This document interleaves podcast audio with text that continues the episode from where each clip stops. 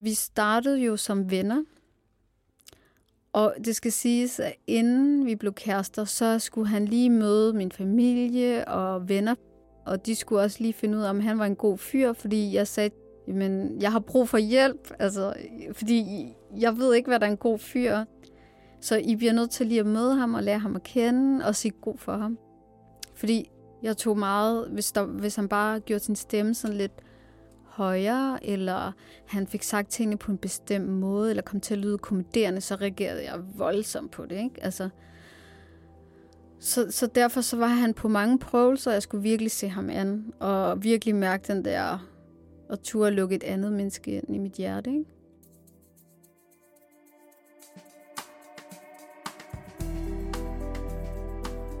Velkommen til Volden og Skiller, en podcast, hvor vi taler om de allervigtigste spørgsmål, der er forbundet med at leve eller have levet et voldeligt forhold. Jeg hedder Birgitte, og jeg er medstifter af Projekt Q-værk, som er en organisation, der skaber fællesskaber for voldsudsatte kvinder. Og med mig her i studiet i dag har jeg min medvært, psykoterapeut Telma, og sammen sætter vi spot på volden. Det gør vi selvfølgelig sammen med dem, det hele handler om, nemlig kvinderne selv, dem der har haft volden helt tæt på. Dagens tema, det er det her med at genfinde kærligheden til sig selv. Og vi skal også tale om betydning af selvkærlighed i at genfinde kærligheden til, i det her tilfælde, en anden mand. Og øhm, alt det her er meget inspireret af noget, der i øvrigt optager dig, Martha. Så tak, fordi du er her i dag og vil dele ud af både din historie og alle de gode refleksioner, du har gjort dig. Selv tak, og tak fordi jeg må dele min historie. Og også velkommen til dig, Thelma. Tak. Jeg glæder mig rigtig meget. Godt så. Inden vi skal, skal høre lidt mere om dig, Martha, så vil jeg gerne øh, starte lidt over hos dig, Thelma. Kan du sige lidt om, hvor man er efterladt rent sådan kærlighedsmæssigt efter at have været i et voldeligt forhold? Længes man efter kærlighed? Har man øh, modstand på kærlighed? Og, og hvad egentlig med med sådan kærlighedsopfattelsen generelt. Hvordan er status hos, typisk hos, hos de kvinder, du møder, som, som har brudt med volden? Øhm, det er jo vigtigt at forstå, øh, at der netop har øh, i langt de fleste tilfælde været tale om et kærlighedsforhold. Øh, en forelskelse, en betalelse, øh, måske en, øh, en livstrøm med en partner, som så øh, viser sig ikke at gå som håbet. Øh, og øh, jeg tror, alle mennesker, øh, altså alle forhold, når et forhold bliver brudt, så er det svært bagefter. Vi er såret, vi er kede af det. Vi er måske også nogle gange lettet.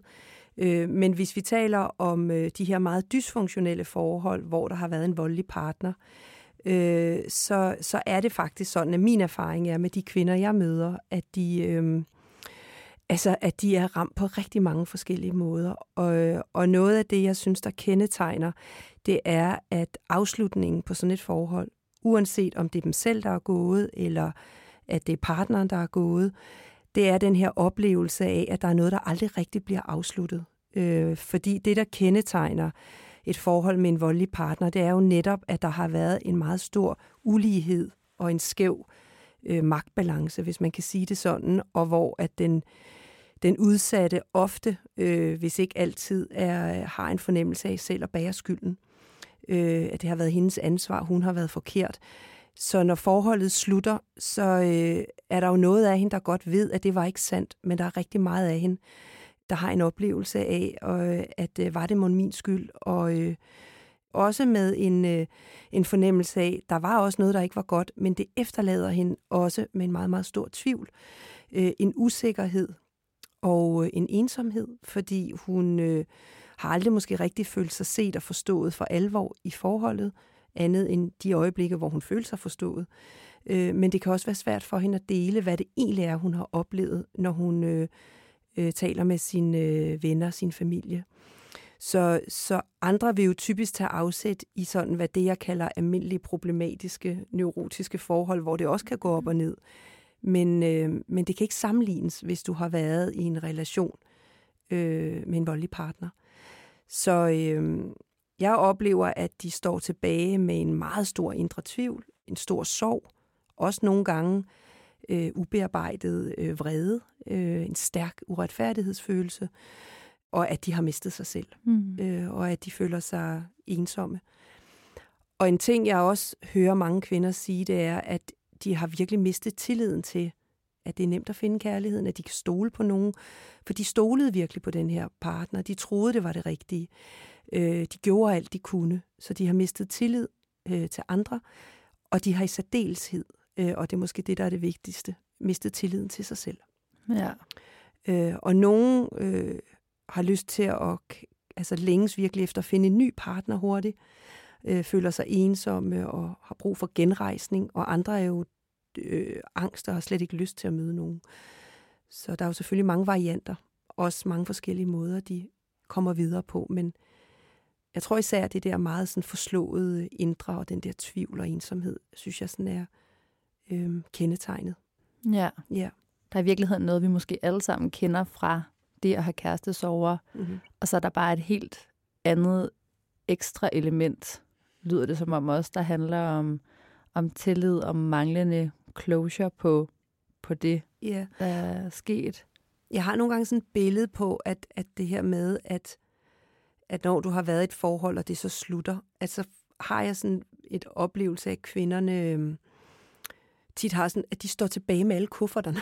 altså, og den der mand er rejst videre, eller nogle gange er han jo også stadigvæk øh, opsøgende eller generende og øh, udøver stadig vold, men, men de står tilbage med alle de her kufferter, og indholdet af de her kufferter er jo slet ikke kun deres, men det er som om, det er blevet til deres, eller det er dem, der bærer de her kufferter. Det synes jeg er sådan et billede af, hvordan de kan opleve det nogle gange, og det er jo enormt øh, hårdt. Øh, men det vækker også en stærk uretfærdighedsfølelse, en hang efter at blive troet på og blive forstået. Mm. Øh, ja. Og, og hvad med de her kufferter mm.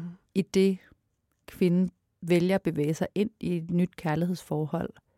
Altså, der hører jeg rigtig mange kvinder sige, at de jo... Øh, øh, fordi jeg møder heldigvis jo også en del kvinder i de grupper, jeg har, som faktisk har fået en ny partner. Og, og det er jo ikke, fordi træerne vokser ind i himlen, og, og så er der aldrig problemer. Og selvfølgelig er der det, fordi når vi møder et andet menneske, så er der jo et mønster, der går i gang.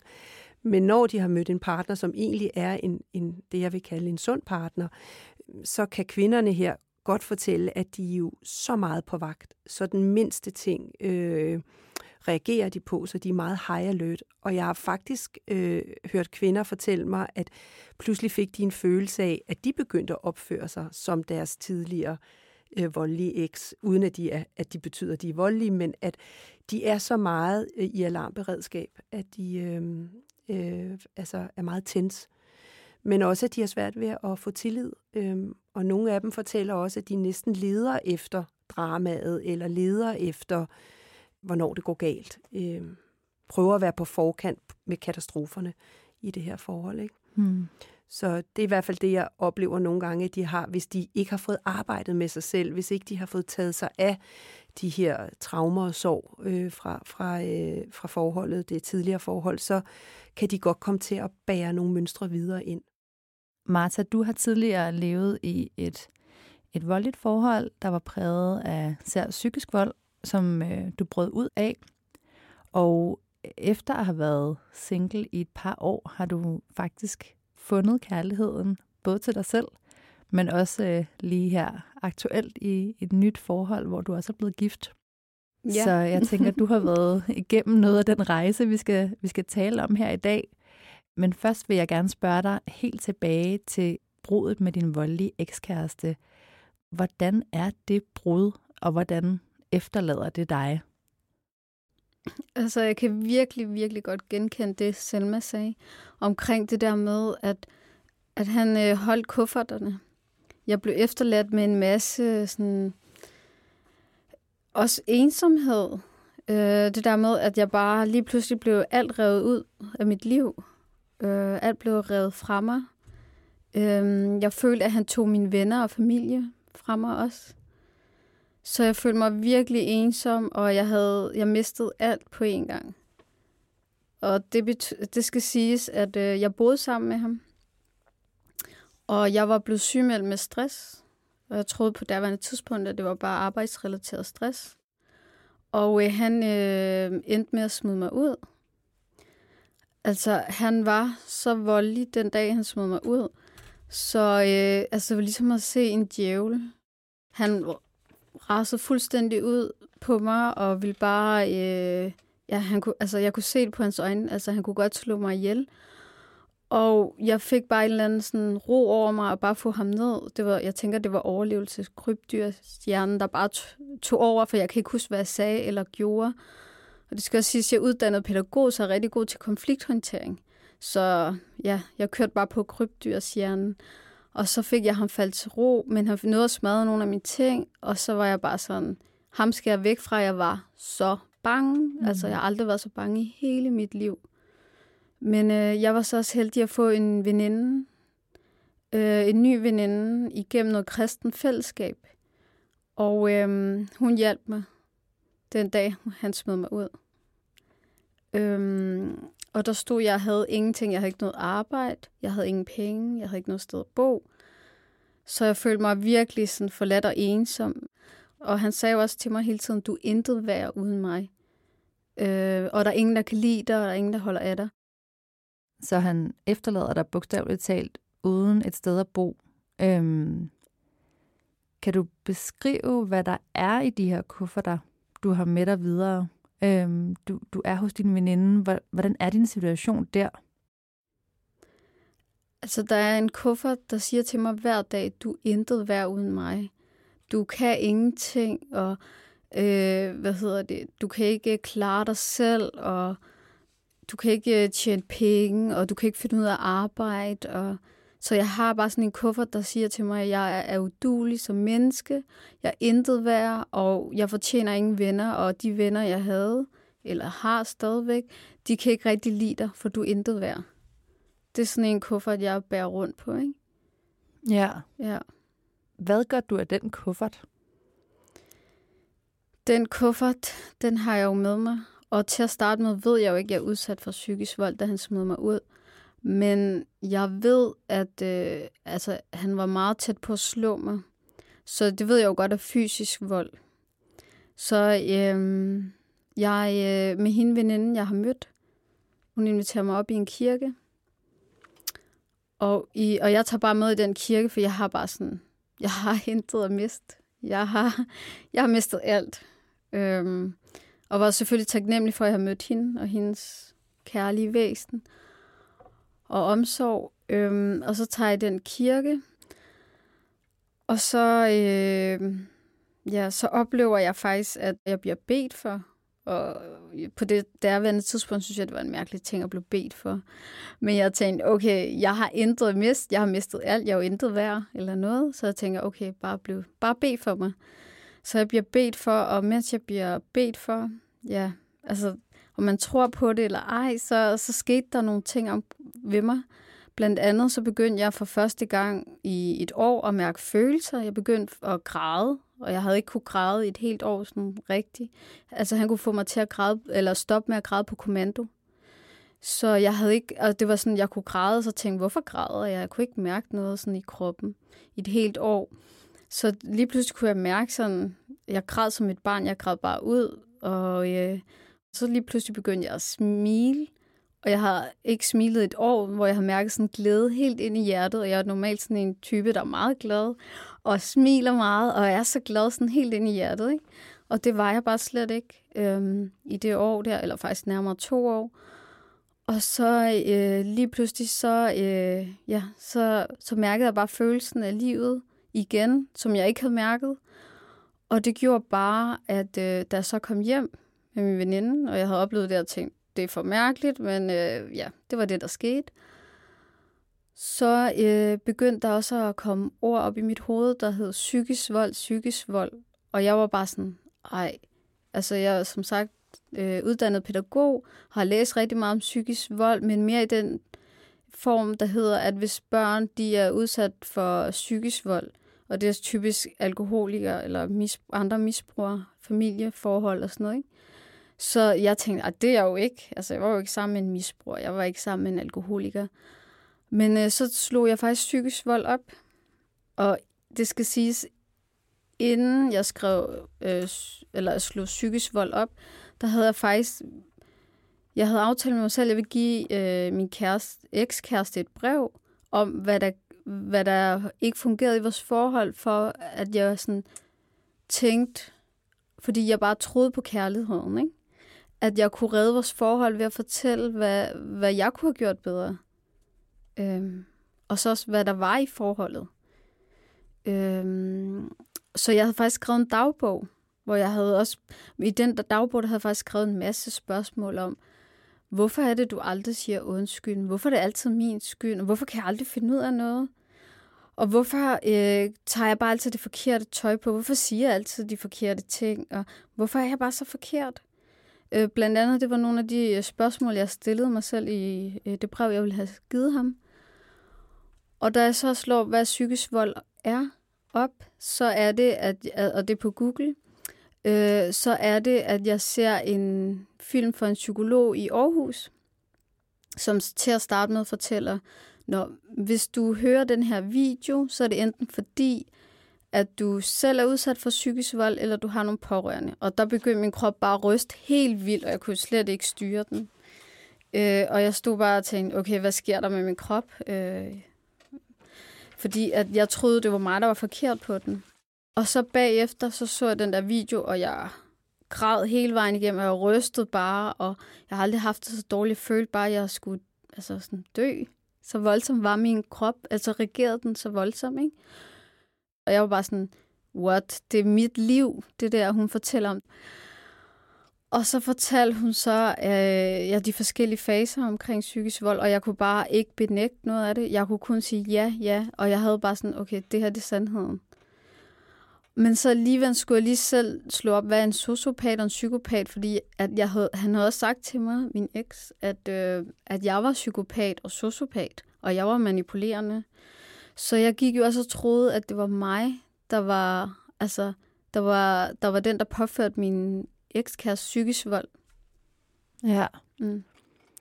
Og, og hvad til med, jeg får lyst til at spørge dig, altså, psykisk vold, udhuler det den selvkærlighed, som vi jo alle sammen helst skal have?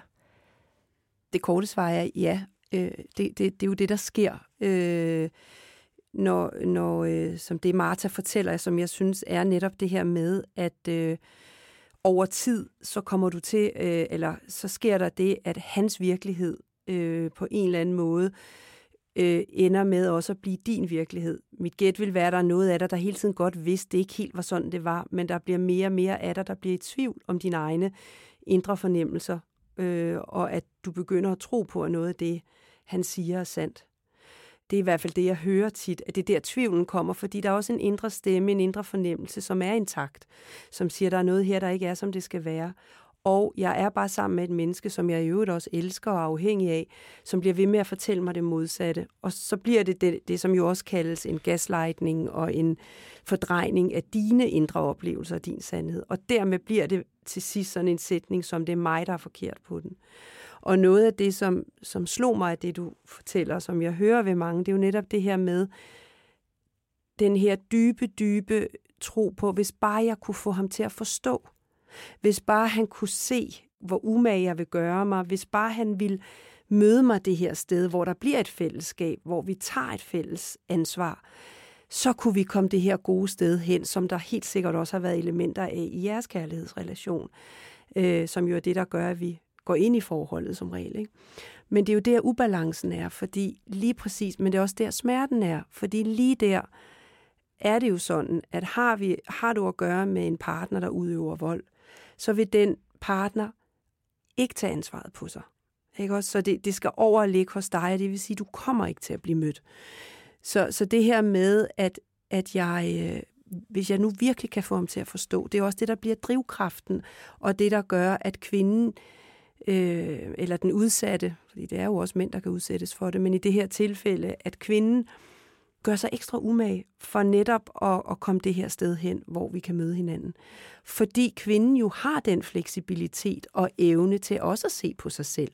Der er jo ingen af os, der er perfekte. Der er jo ingen af os, der ikke begår fejl.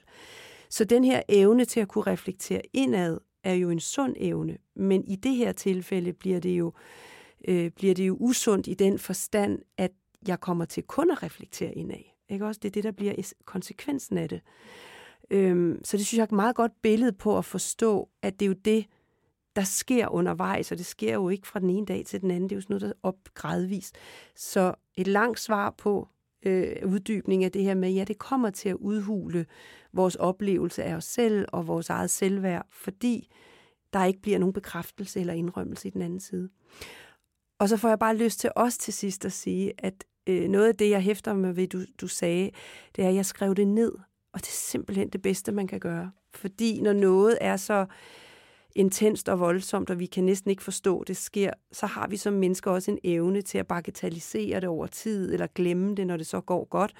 Så det her med at skrive det ned, og det er jo nogle interessante spørgsmål, du siger, ikke? Hvorfor går jeg altid i det forkerte tøj? Hvorfor er det altid mig, der har? Hvorfor siger du aldrig undskyld? Der er meget information i at skrive det ned. Mm. Og det kan godt være, at vi ikke kan se det, imens det bliver skrevet ned, men måske kan man så se det senere, eller en uge efter, eller hvordan det nu er for en proces, man er i. Ikke? Men det er så vigtigt ikke? at skrive noget ned.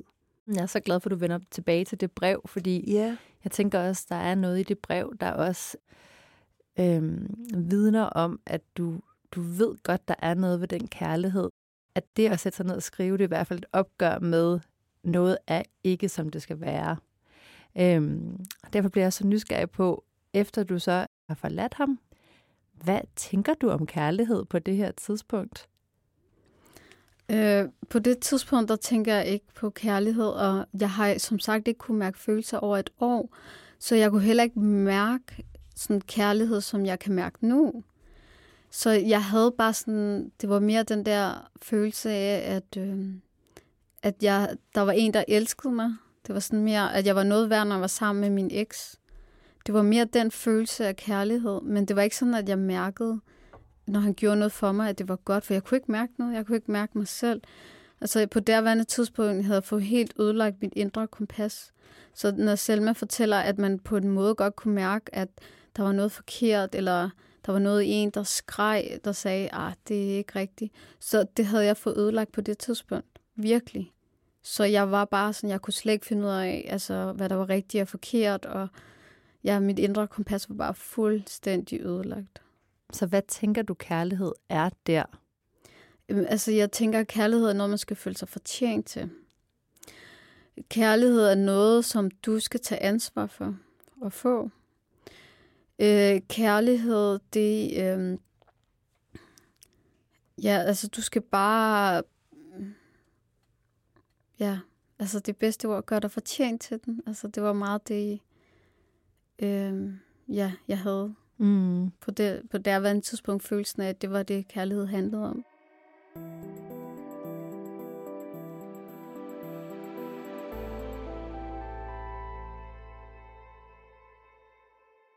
Jeg ved også, at du relativt kort efter det her brud bliver smadsforelsket i ny. Hvad er det, der sker i den her periode? Ja, altså, jeg var, det var tre måneder efter, Øh, og jeg var egentlig ikke klar til at finde kærligheden, men jeg mødte en fyr, der bare... Altså det hele var bare på den lyserøde sky. Han ville bare have mig, og han var meget forelsket, og var meget romantisk, og meget sød, og han var alt andet, end hvad min ekskæreste var. Så jeg tænkte, åh, altså nogle gange, så skal man også bare hoppe ud i det.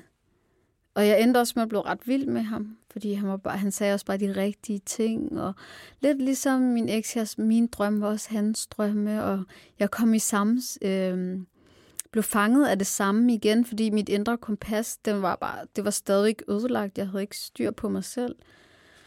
Øhm, eller jeg havde ikke fundet mig selv, jeg havde ikke fundet kærligheden til mig selv, og jeg havde ikke forståelse, fået forståelsen af, hvad kærlighed er for en størrelse.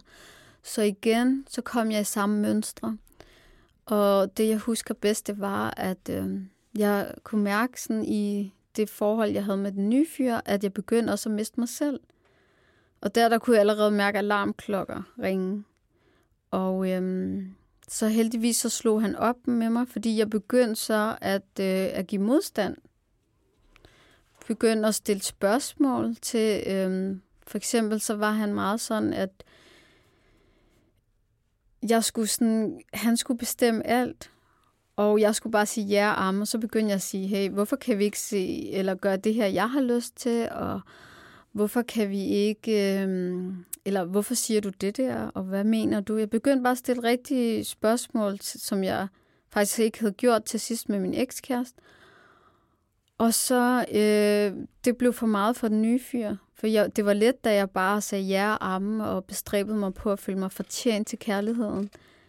Øh, men da jeg så begyndte at give noget af mig selv og give modstand, så var jeg ikke god nok, og så smækkede han døren i. Så, så hvordan, du beskriver det her med, at du begynder at stille spørgsmål ved, hvad, hvad er det her for en relation? Hvor, hvor kommer de spørgsmål fra? Øh, det skal siges på daværende tidspunkt, så øh, da jeg fandt ud af, hvad psykisk vold var for en størrelse, altså lige med det samme, søgte jeg faktisk lægen dagen efter, jeg fandt ud af det. Og der fik jeg hjælp, og jeg begyndte at gå til en masse psykologer, søge øh, krisehjælp hos min forsikring og så videre. Og på derværende tidspunkt havde jeg også fået, hvad kan man sige, indlært øh, nogle, hvad dysfunktionelle mønstre er. Og det gjorde så, at jeg sådan, selv jeg ikke havde fået forståelsen af det endnu, så vidste jeg bare, at i et forhold, så skal man også... Altså, jeg skulle ikke glemme mig selv, som jeg havde gjort i det andet forhold. Så det var der, det kom. Så det var lidt mekanisk, kan man sige. Det var noget, du havde, du havde tillært dig på en måde på det her tidspunkt. Ja. Hvordan, øh, hvordan mærker du modstanden på den her nye fyr? Du beskriver det som om, der er alligevel der er et eller andet i dig, der rejser et rødt flag måske. Ja, altså de første to måneder, næsten tre måneder, ikke? der gjorde jeg jo bare alt, hvad han bad mig om. Ikke? Men så var det jo den ene gang, jeg sagde fra til ham og stillede spørgsmål, så slog han jo op med mig dagen efter, og han havde sagt, jeg vil giftes med dig, og du er den eneste ene, og vi skal bare have børn sammen, og alt det der. Og jeg kan også huske, at der stod i situationen, var sådan, wow, vent lige vi skal lige lade hinanden at kende, ikke? Men jeg blev også lidt draget af hans kærlighed til mig. Ja. Til mig, hvad, hvad tænker du omkring det her med den hastighed, der kan være i sådan en forelskelse, som Martha beskriver her, at man, man kaster sig hovedkuls ind i det, og det går rigtig stærkt, og, og, og partneren opfordrer os til, at, at det går stærkt, og der bliver måske sagt tidligt, jeg elsker dig, som du også beskriver, Martha, og jeg vil giftes med dig. Hvad, hvad er det, der er på spil her? Jamen, altså, der er sådan flere ting i det, Martha fortæller, ikke, som jeg også kan, kan sådan genkende nogle af de samtaler, jeg har med kvinderne i gruppen. Ikke? Fordi altså, forelskelse kan vi jo ikke komme uden om er vidunderligt. Ikke? Vi, og vi bliver jo også, altså, vi bliver draget, vi forelsker os både også noget i os selv og i, i illusionen om, hvad det kan være. Øhm, og der er en stærk intensitet, hvilket jeg i øvrigt ikke altid, men ofte hører omkring de her dysfunktionelle forhold, med, med, hvor der er en voldelig partner, at der har ofte været tale om en meget stor intensitet. Og det der jo så er, at hvis der så også er en utrolig tæt kontakt i den her forelskelse, ikke, så, så er det jo, at, øh, at man heller ikke rigtig får mulighed for lige at mærke, hvad der er op og ned inde i en selv. Øh, og så kan det jo gå voldsomt stærkt. Ikke? Og uanset hvor hvad skal man sige, forførende det kan være, det her med kærlighed ved første blik, og øh, wow, manden på den hvide hest, eller hvad det nu end måtte være, så må vi jo også bare stadigvæk sige som voksne mennesker, at det at elske et andet menneske så intenst efter meget kort tid, det, der, det er sådan lidt alarmklokkeagtigt, ikke? men man kan jo godt tale om, wow, jeg er forelsket. Ikke? At elske er noget lidt andet, øhm, og, øh, men det forveksler vi. Så det, der sker, det er jo, at vi bliver jo draget ind i noget, og hvis det i øvrigt er et sundt forhold, så kender vi jo godt også efter tre måneder, så opdager vi, at oh, gud, han er også lidt irriterende. Og sådan noget. Du ved, så kommer der sådan lidt klarhed tilbage i os. Mm-hmm. Øh, og har der tale om de her dysfunktionelle forhold med en voldelig partner, jamen så, så er vi allerede godt inde i det. Øh, og, og måske allerede der af mange omgange fået grænseoverskrevet os selv og grænseover. Øhm, så, så det kan være sådan en oplevelse af at sidde fast på en anden måde og ikke rigtig kunne bede om den der pause eller, øh, eller plads, eller så kommer den der undren over, gud, hvorfor bliver han pludselig så vred?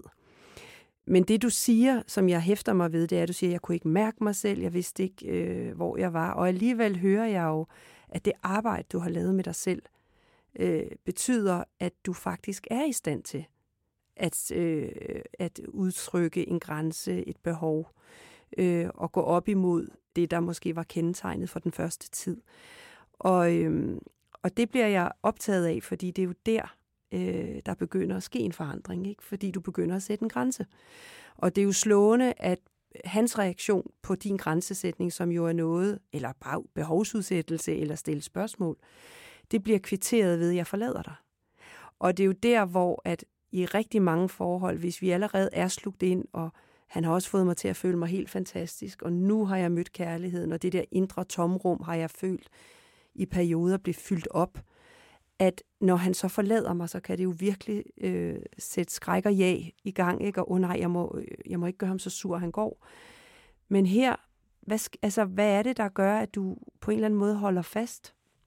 Altså, det, der foregår ved mig, det er fordi, at hele den tid, vi startede med at komme sammen, der gik jeg hos Sara Tornø, hos terapi hos hende.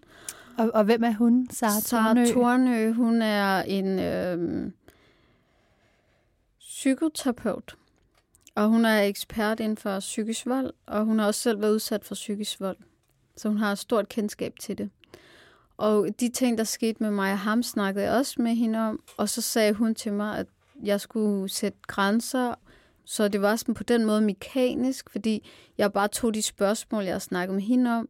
Men jeg kunne ikke sådan selv føle, at, at det var det, jeg skulle gøre. Men jeg gjorde det, fordi jeg vidste, hun var ekspert. Og jeg vidste også, at mit indre kompas var ødelagt, så jeg vidste godt, det kunne jeg ikke selv mærke, hvad der var rigtigt og forkert. Så jeg sådan hummede efter at få hjælp til, hvad der er rigtigt og forkert. Så det var faktisk bare, eller det var hende, der hjalp mig at begynde at stille spørgsmålstegn. Lige dagen efter, jeg havde gjort det, så slog han op. Ja, mm. så da du, da du stopper med at forfølge kærligheden, at så, øh, så bryder han. Ja, tæl mm. mig det for dig til at... Ja, jeg bliver nysgerrig på, hvordan var det for dig på det tidspunkt, at fordi du siger, at jeg fik støtte og hjælp, og det gør mig enormt glad at høre. Øh, og det siger jo også noget om, hvor vigtigt det er, at vi også får den støtte og hjælp hos mennesker, der forstår, hvad det handler om, men også som, som støtter dig i at begynde at stole på det, der er dine fornemmelser.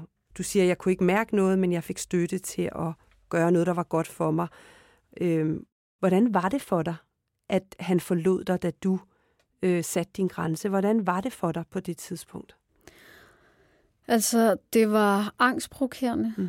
Og jeg følte mig bare endnu mere sådan, det er mig, der er noget galt med.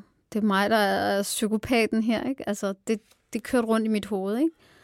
Så øh, jeg søgte selvfølgelig professionel hjælp dagen efter. Øh, ringede, og jeg fik faktisk angstanfald. Øh, og på daværende tidspunkt boede jeg hos en anden veninde. Og hun kunne ikke helt forstå min reaktion på, at jeg reagerede så voldsomt på det. Jeg havde virkelig følelsen af, at nu dør jeg. Og at øh, ja, jeg var intet værd. Alle de der ting, som min ekskæreste har sagt til mig, de kørte bare i mit hoved. Du er ikke god nok, og du fortjener ikke kærlighed, og det hele kørte bare rundt i mit hoved, ikke? Ja. Ja, altså, øhm, det du fortæller, det er, at i det øjeblik, du siger fra, og han, forla- og han kvitterer ved at forlade dig, at så bliver du så angst du bliver så bange, og, du, og hele den der indre øh, fortælling om, jeg er ikke noget værd, jeg skal gøre mig fortjent til, øh, til kærlighed, den sætter ind. Og du siger jo selv det her med, der er, der er noget i dig, der har en erfaring om, at kærlighed er noget, jeg skal gøre mig fortjent til. Og jeg kan også blive lidt nysgerrig på, det er jo klart noget, du oplevede med din, med din ekspartner. Er det også noget, du sådan kender sådan generelt fra dit, den der fø, grundfølelse af, at jeg skal, jeg skal yde for at få kærlighed? mere end at jeg skal opleve, at jeg er værdifuld i mig selv, og at jeg er værdifuld i mig selv, for bare for den, jeg er. Ja, altså jeg er adopteret fra Colombia, og der, der øh, har jeg boet hos to plejeforældre, og øh, inden der, øh, da jeg blev taget fra min mor, der sagde hun til mig, jeg vil gerne, eller jeg elsker dig, og jeg vil hente dig. Men hun kom aldrig og hentede mig. Så kom jeg hos den ene plejefamilie, og der fik jeg det samme at vide, og hun kom heller ikke og hentede mig. Og så min øh, anden plejefamilie, der skete det samme, og der blev jeg heller ikke hentet. Så allerede i en meget tidlig alder, jeg var 3-4 år, da jeg kom til Danmark, øh, lærte jeg, altså, at jeg ikke var værd at elske. Og at kærlighed, det er noget, man skal gøre sig fortjent til. Så det giver det jo også mening, at de her, altså, når du fortæller om det, at den her med, at når du bliver afvist, når du får sat en grænse, at så kan det aktivere mm-hmm. en kæmpe frygt indeni, ikke? fordi det, der er en del af dig, der bliver så bange for, hvad sker der nu, at blive forladt, og det er jo livsfarligt for et, for et barn, eller så utrygt. Så det, at du fik hjælp til at sige fra, øh, og også, kan jeg høre, fik ragt ud, når den her angst dukkede op i kølvandet på at have sagt fra, det jo lyder til at have været afgørende betydning for det her med at begynde at støtte dig og begynde at tro på, også ind i dit system, at det at sige fra, det er fuldstændig værdigt og, og et hvert menneske for ondt.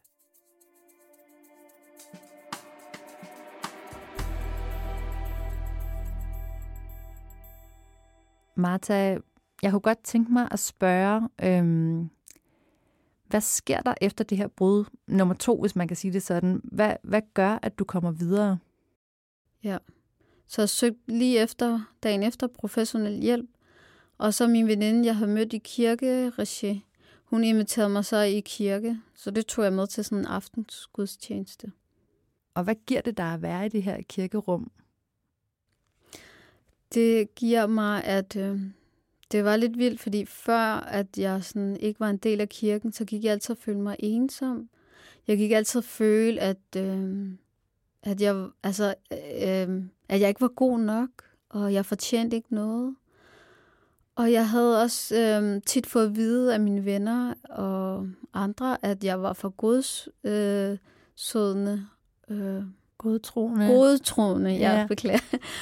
Og jeg var for naiv, og jeg var sådan alt for tilgivende. Så jeg tænkte sådan, jeg er bare et mærkeligt menneske.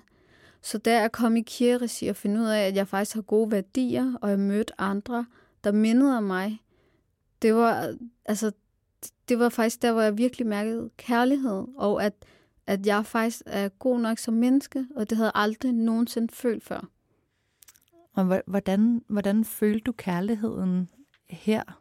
Det var, at øh, jeg blev ikke mødt med, at jeg ikke havde et arbejde. Og jeg blev ikke mødt med, at jeg var udsat for psykisk vold, men jeg blev mødt med, de så mig som den person, jeg var. Og de kunne rumme det, jeg havde været igennem. Også at høre på mig. Øh, og jeg ikke blev stemplet. Og jeg, jeg blev ikke spurgt, hvorfor gik du ikke fra ham eller noget.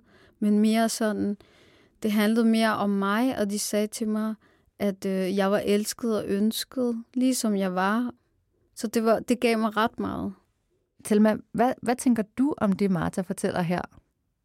For dig har det været vigtigt at bruge kirken, men det jeg hører i det, det er jo, det er jo den måde, vi bliver spejlet på, der har betydning for vores oplevelse af os selv.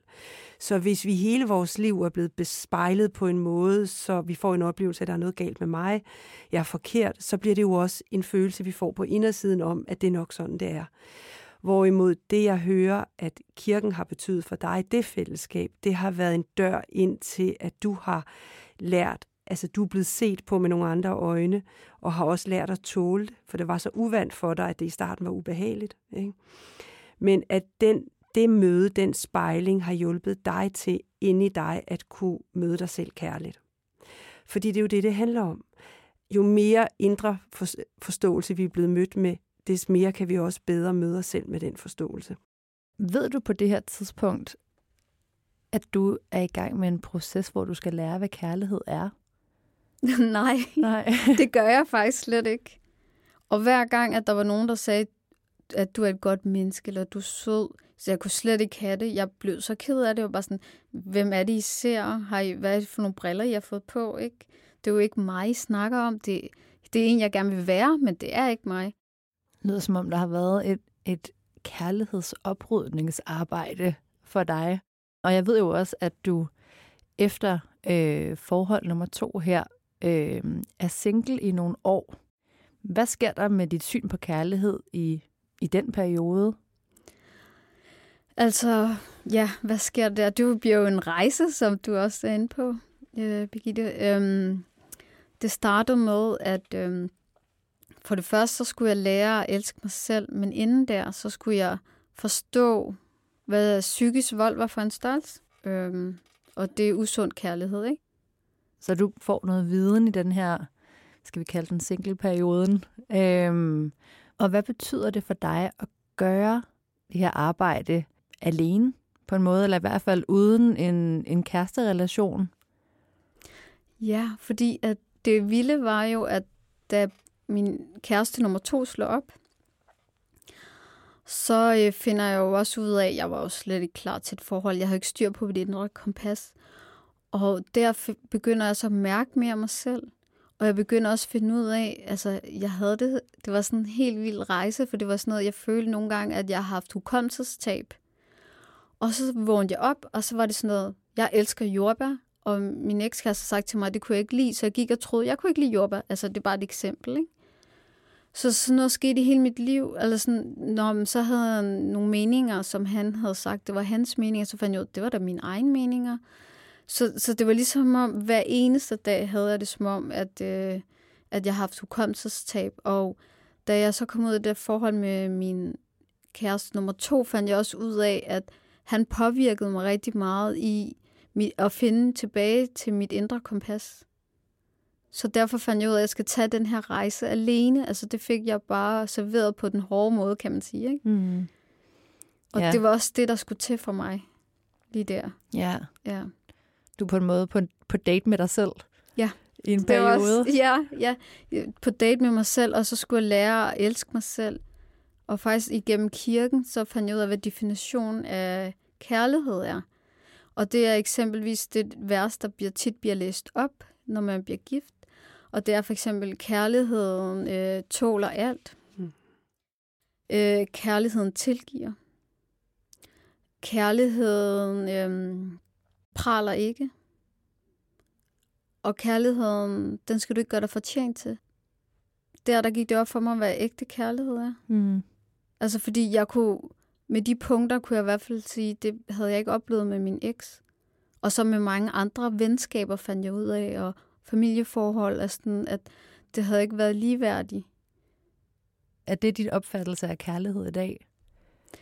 Ja, at det skal kærlighed kunne rumme. Ja. Og du skal ikke være perfekt. Ja. Og man skal kunne fejle i et kærlighedsforhold til venner, familie. Ja. Og øhm, nu får du selv nævnt det her med bryllup. og det, øhm, og øh, grunden til, at det for mig er spændende, du siger det, Martha, det er jo, fordi du er blevet gift. Ja. øhm, her for ganske nylig, var ja. det sidste år. Ja. Ja. Jeg får lyst til at spørge ind til det her med, øhm, du har en bagage, du beskriver det som om, du har en bagage fra din første kæreste, som, som øh, du oplever rigtig hård psykisk vold med. Så kommer der en kæreste nummer to, hvor det er som om bagagen får lov til at være med. Og så er du på date med dig selv i i faktisk et par år, mm. øhm, inden du møder det, der i dag er din, din mand. Øhm, er der noget bagage tilbage? Ja, det er ligesom, det er lidt syret, fordi at der er ligesom en fase 2, hvis man kan sige det sådan, når man skal bearbejde psykisk vold at den første fase, det handler om, eller der er faktisk flere faser. Den første fase handler meget for mig. Det handlede meget om at forstå, hvad psykisk vold er, og erkende det, og søge professionel hjælp, og finde sig selv igen. Og den anden fase er at forstå kærlighed, og lære kærlighed til sig selv at kende, og elske dig selv. Og den tredje fase, det er, når du så er klar til at være i et forhold. Så de ting, jeg havde med for det andet forhold, det skal jeg også arbejde med, på, men på en ny måde, fordi den der tillid til et andet menneske, den skulle jeg ligesom have igen. Og mærke kærlighed for et andet menneske, den skulle jeg også øh, få igen. Og øh, faktisk så startede jeg med at være venner øh, med min mand i et helt år. Og da vi så blev venner, så lige pludselig, og jeg havde ikke lige set den komme, så det kom virkelig bag på mig, at jeg blev vild med ham. Og jeg nåede også at tænke, har jeg fortjent det her? Så det skulle jeg også lige overvinde. Det havde jeg fortjent, og at jeg skulle lukke ind ind. Og så bagefter, så det der med, at, øhm, at jeg havde også fået nogle rigtig gode værktøjer det der med, at der er ikke noget, der skal haste, og det er alarmklokker, hvis der er noget, der skal haste. Så det, det mindset havde jeg også med. Jeg startede med at sige til ham, at, øh, at jeg skulle date ham, Og jeg ville ikke kysse eller holde i hånd eller noget, fordi vi skulle lære hinanden ordentligt at kende. En ting var, at vi var venner, men nu skulle vi ligesom lære hinanden at kende på en anden måde. Og jeg fortalte ham også, hvad jeg havde været igennem, uden at fortælle for meget, for det havde jeg også lært igennem terapi, at du skal ikke bare åbne dig selv, bum, op, altså, men bare lige fortælle lige kort, så han ved, hvad jeg har været igennem, og han vidste jo også, fordi jeg var venner med ham, men der var mange ting, jeg undlod at sige. Så, så fordi vi allerede på derværende tidspunkt lærer det der med, at man kan snakke om sårbarhed og være åben, at vi kan være ærlige over for hinanden. Ingen er så perfekte. Og det tror jeg, det var meget det, jeg kunne, der var tiltagende for mig, at min ekskæreste, han var jo perfekt. Øhm, og det var det min mand ikke. Mm. Så det var meget tiltagende. Så føles det anderledes? Føles det som, som noget, du oplever for måske første gang, eller? Ja, øhm, altså det føles anderledes, fordi at øhm, inden jeg lærte ham at kende, så lærte jeg også at sætte grænser, og lærte at forstå, hvorfor at der var så mange mennesker, der overskred mine grænser, fordi jeg ikke selv har sat grænser. Så jeg lærte også, at mit ansvar i at sætte grænser er vigtigt for, at et nyt menneske øh, anerkender dig som person og respekterer dine grænser. Så det gjorde jeg allerede fra starten, og det gjorde han. Altså han fuld forståelse for mine grænser, og så det var også tiltagende. Så, så hvad gør du konkret, fra du møder ham? Hvordan gør du det anderledes den her gang? Alting skal gå meget langsommere, som jeg synes er virkelig meget vigtigt. Så vi startede jo som venner. Så det der med, der var ikke noget, der hastede. Vi havde ikke aftalt, hvor lang tid vi skulle date og sådan noget på derværende tidspunkt. Eller det havde vi ikke. Og så øh, efter vi havde kysset, så var vi jo enige om, at nu skulle vi være kærester. Og der var jeg også, sagde jeg også til ham, at altså, det er jo ikke fordi, at vi så skal giftes. Nu skal vi jo bare nyde at være kærester. Og det skal siges, at inden vi blev kærester, så skulle han lige møde min familie og venner fra kirken, og de skulle også lige finde ud af, om han var en god fyr, fordi jeg sagde til mine venner, jamen, jeg har brug for hjælp, altså, fordi jeg ved ikke, hvad der er en god fyr. Sådan. Så I bliver nødt til lige at møde ham og lære ham at kende, og sige go for ham, ikke? eller god for ham. Så han øh, var på mange prøvelser. og det var egentlig også meget befriende, at... Øh, fordi jeg, som Telma også var inde på, de der alarmklokker, når man begynder at åbne sit hjerte, det er, at jeg var også alert. Så jeg var meget sådan, huh, jeg tog meget, hvis, der, hvis han bare gjorde sin stemme sådan lidt højere, eller han fik sagt tingene på en bestemt måde, eller kom til at lyde kommenterende, så reagerede jeg voldsomt på det. Ikke? Altså, så, så derfor så var han på mange prøvelser, jeg skulle virkelig se ham an, og virkelig mærke den der fase 3, og turde lukke et andet menneske ind i mit hjerte. Ikke? Og hvornår fortæller du ham om, at, at du har været udsat for vold? Så er det noget, I taler om? Altså, jeg synes jo, at det er også en del af min historie og min bagage, så jeg synes jo personligt, at det er vigtigt, at man snakker med sin nye partner om det, men uden at fortælle for meget øh, og fortælle måske ting undervejs, men det er meget godt, at de har en forståelse af det, så de forstår, hvorfor reagerer du, som du gør, og hvorfor bliver du påvirket af ting, som kan være helt hverdagsagtige for andre, øh, fordi at ens krop har oplevet det så voldsomt, at den bare ikke kan tåle det mere. Mm. Ja, og i den fase lærte jeg jo også at give mig selv kærlighed for, at min krop reagerede, som den gjorde, og sige, tak krop, fordi at du reagerer, som du gør, og det er helt okay. Og så få snakket om, hvorfor at den reagerer sådan, og snakket med ham om det, og så vi kunne lære hende endnu bedre at kende. Så du lytter både til et, et indre kompas, og det lyder som om også et kropsligt kompas nærmest? Ja, ja. det gør jeg virkelig. Og i starten, så blev vi kærester, men jeg havde faktisk lidt svært ved, at han rørte mig. For det var også en af fase 3, det der med at huh, lade et andet menneske røre en og åbne sit hjerte. Så bare det der med berøring havde jeg rigtig svært ved. Jeg kunne godt give kram selv, men der var ingen, der skulle give mig kram først. Så jeg skulle, til at starte med, så skulle vi bare lære det der med at nus, at det var okay. Jeg sagde også til ham, det er sådan mit liv er, så og så kyssede vi, og alt skulle gå stille og roligt. Vi dyrkede heller ikke sex øh, i vores forhold til at starte med. Og det var virkelig rart, fordi jeg kunne virkelig lære ham at kende, og det, jeg har oplevet i øh, de to andre forhold, jeg har været i, det var, at sex fyldte meget. Og det var der, jeg sådan følte mig elsket. Og jeg, ja.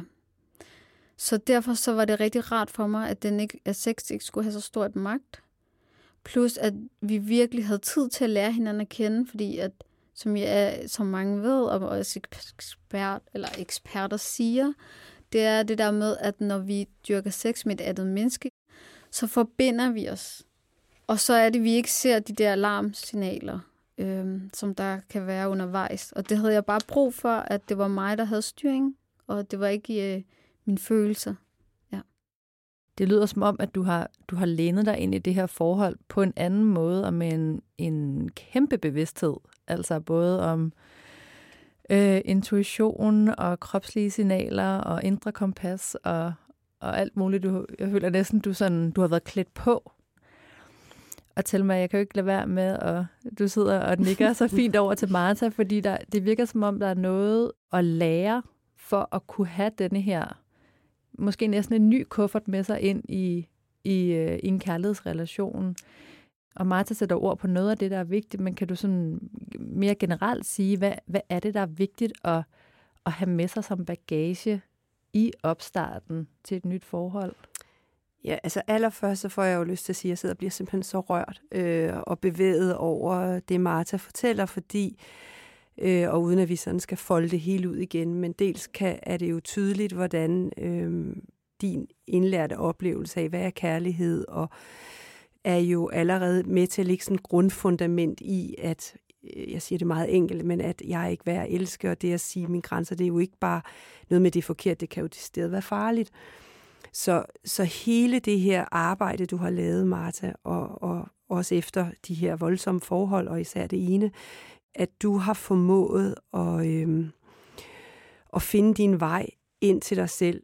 Og det er det, jeg hører, at du har gjort, at du har øh, bearbejdet volden, du har forstået, hvad, der har været, hvad du har været udsat for. Du er blevet det, jeg kalder i den grad hjulpet til at blive realitetskorrigeret. Simpelthen at forstå, hvad er rigtigt, hvad er op og ned. Og så har du øh, øh, arbejdet med at øh, finde døren ind til dit eget, til, til kærlighed til dig selv. Øhm, og på den måde får jeg sådan et billede af, at der inde i dig også er kommet en indre kærlig mor, der tager sig af, af dig og din følsomhed. Og fra det sted kan du række ud til din kæreste og sætte dine grænser. Men det, der er vigtigt at forstå, det er jo, at det der dybe, dybe længsel, vi har helt inde om at blive elsket, øh, er ikke altid noget, vi kan lægge ud til en partner, at de skal gøre på det niveau, som et barn har brug for. Men det at kunne finde den kærlighed inde i os selv, og så selvfølgelig række ud og blive elsket og bede om omsorg og forståelse og, og sætte grænser. Derfra kan vi jo begynde at arbejde på en kærlighedsrelation. Så øh, det er meget rørende øh, og meget vigtigt faktisk, det her, øh, du siger det så fint, ikke? Bearbejd volden, arbejde med, din, med dine egne kærlighedsmønstre, forstå, hvad er det, jeg har lært om kærlighed, mm. og, øh, og finde ind til det, der er meningsfuldt inde i sig selv, og så tur åbne sig op og gøre det med respekt for sig selv, og selvfølgelig det menneske, man møder, men mest af alt for sig selv. Ja. I et tempo. Mm. Og derfra kan dialogen jo ske, ikke? Jo. hvis det er en sund partner.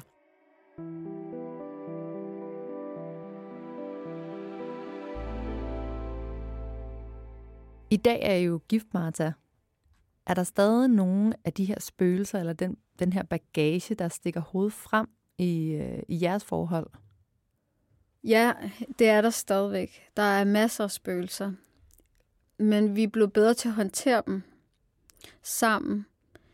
Og, øh, og nogle gange så bliver vi endda nødt til at søge noget professionel hjælp. Og på den måde så er det blevet nemmere for os at snakke om de svære ting og de ting, der trigger mig. Og noget af det, der kan trigge mig, det er jo, når han for eksempel bliver vred over noget. Og det er det der med lige at snakke om det. Hvor kom den vrede fra? Hvor er mit ansvar? Hvor er dit ansvar? Ja. Så, så der kommer stadig spøgelser, men vi er blevet meget bedre til at håndtere det. Og det gør også, at jeg, at jeg føler mig elsket. Og det er også nemmere for mig at give ham kærlighed også. Ikke? Så ja. Må jeg stille et enkelt spørgsmål? At når han bliver vred, hvad er det, du kan gen... Altså, hvad er det, der, der... Altså, hvad er det, du kan mærke, der sker i dig, og hvad er det, du gør anderledes i dag end tidligere? Før der blev jeg pleaseren, så jeg ville bare gøre alt for at hjælpe ham, så han kunne blive glad igen, og så han kunne få det godt igen. Så det der med, at øh, han tager ansvar for, at han blev vred, men jeg også tør at snakke om min del af det, og vi kan snakke sammen om det sammen, og jeg også har kan føle, okay, jeg elsket selv, at vi har været op og skændes, eller han er blevet sur på mig, ikke? Altså, men stadigvæk, ja, så er det svært for mig, men det hjælper, at vi har de redskaber, og det hjælper, at jeg ved, at jeg stadig har ham. At vi er team, når vi er blevet uvenner, ikke? Og når han bliver sur på mig, ikke? Ja. Og noget vigtigt, jeg hører her til sidst, er, at I er to om at løse en konflikt. Lige præcis. Det er ikke kun op til dig. Det er en meget væsentlig forskel. Ja, og så også det der med, at vi har begge to ansvar. Mm-hmm. Der skal to til at danse, ikke? Mm-hmm. Så ja. Og det er også et rigtig godt eksempel på et forhold, der udvikler sig sundt.